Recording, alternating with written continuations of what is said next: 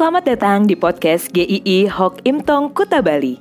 Penginjil Ray Reginaldi akan membagikan renungan harian singkat untuk membawa Anda mengenal dan menyembah Tuhan Yesus, bertumbuh dan menjadi murid Kristus, serta berdampak untuk banyak orang. Jika Anda merasa diberkati melalui renungan ini, silahkan bagikan podcast ini agar orang lain juga diberkati. Inilah renungan hari ini.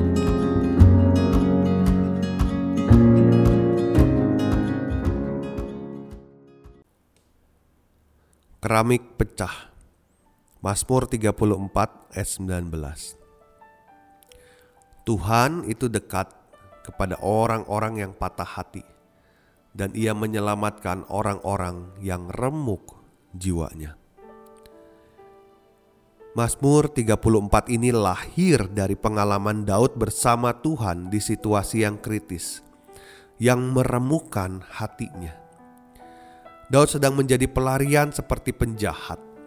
Dia dikejar-kejar oleh raja yang terdahulu yaitu Saul yang sebenarnya di mata Tuhan bukan lagi raja Israel. Daud dikejar-kejar bukan karena kesalahannya juga. Terlebih lagi Daud adalah orang yang sebetulnya sudah diurapi menjadi raja. Daudlah seharusnya yang adalah raja. Bayangkan orang yang dipilih untuk menjadi raja menjadi seorang pesakitan, dan di dalam pelariannya dia seperti terjebak. Dia masuk ke daerah orang Filistin, musuh bebuyutan orang Israel. Di jalan buntu itu, dia terancam nyawanya. Akhirnya dia berpura-pura menjadi orang gila. Orang yang tidak ada harganya, orang yang tidak dipandang, derajatnya diturunkannya begitu rendah supaya dia dapat selamat. Akhirnya dia pun selamat. Mazmur 34 ayat 19 mengatakan, Tuhan itu dekat kepada orang-orang yang patah hati dan ia menyelamatkan orang-orang yang remuk jiwanya. Tuhan tahu bagaimana hancurnya hati Daud pada saat itu. Tuhan tahu bagaimana remuknya hati Daud pada saat itu. Daud pada waktu itu bukan hanya patah hati, terjemahan yang lebih tepat hancur hatinya. Mungkin banyak pertanyaan di tengah situasi yang dialaminya. Situasi yang mengancam hidupnya. Bagaimana dia mempermalukan dirinya supaya selamat. Tidak, tidak diceritakan detail bagaimana Daud mengalami Tuhan di masa-masa itu. Tetapi dia mengatakan Tuhan itu dekat kepada orang-orang yang patah hati. Umat Tuhan yang ada dalam keadaan paling buruk tidak pernah ditinggalkan Tuhan. Dia hadir dan ada di sana, atau dengan kata lain, dia tidak pernah meninggalkan. Ayat ini memberikan penghiburan yang begitu hangat dan menenangkan bagi setiap kita juga yang sedang hancur hati. Bukan hanya dikatakan seperti itu, tetapi ada kelanjutannya. Ia menyelamatkan orang-orang yang remuk jiwanya. Dia bukan Allah yang pasif yang hanya menemani, tetapi Dia adalah Allah yang aktif yang hadir di sana. Dia yang hadir di dalam keremukan, kehancuran hati orang-orang yang percaya kepadanya.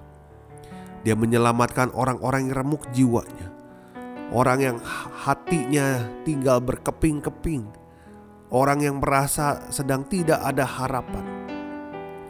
Hanya Tuhan Yesus yang ahli untuk membalut luka-luka hati, menyatukan kembali kepingan-kepingan hati yang sudah hancur itu dan menyembuhkannya. Anak saya yang pertama, ketika dia masih kecil, pernah diajak ke sebuah toko buku rohani di sana bukan hanya dijual buku-buku saja, tetapi ada pernak-pernik yang lain. Salah satunya adalah dijual juga patung-patung keramik yang begitu indah. Anak saya yang pada saat itu masih senang berlarian ke sana kemari, masih penasaran untuk memegang semua hal. Pada akhirnya dia menyentuh patung-patung keramik itu. Ada satu patung yang berbentuk kakek nenek yang sudah tua, yang sedang tersenyum, merajut, neneknya sedang merajut rajutan. Itu disenggolnya, dipegangnya, jatuh dengan cepat tanpa bisa dihentikan, hancur berkeping-keping. Akhirnya kami menggenapkan peringatan yang biasa tertera. Memecahkan berarti membeli. Kami membeli keramik yang sudah pecah dibawa pulang dengan harga yang normal, yang sangat mahal. Buat apa keramik pecah?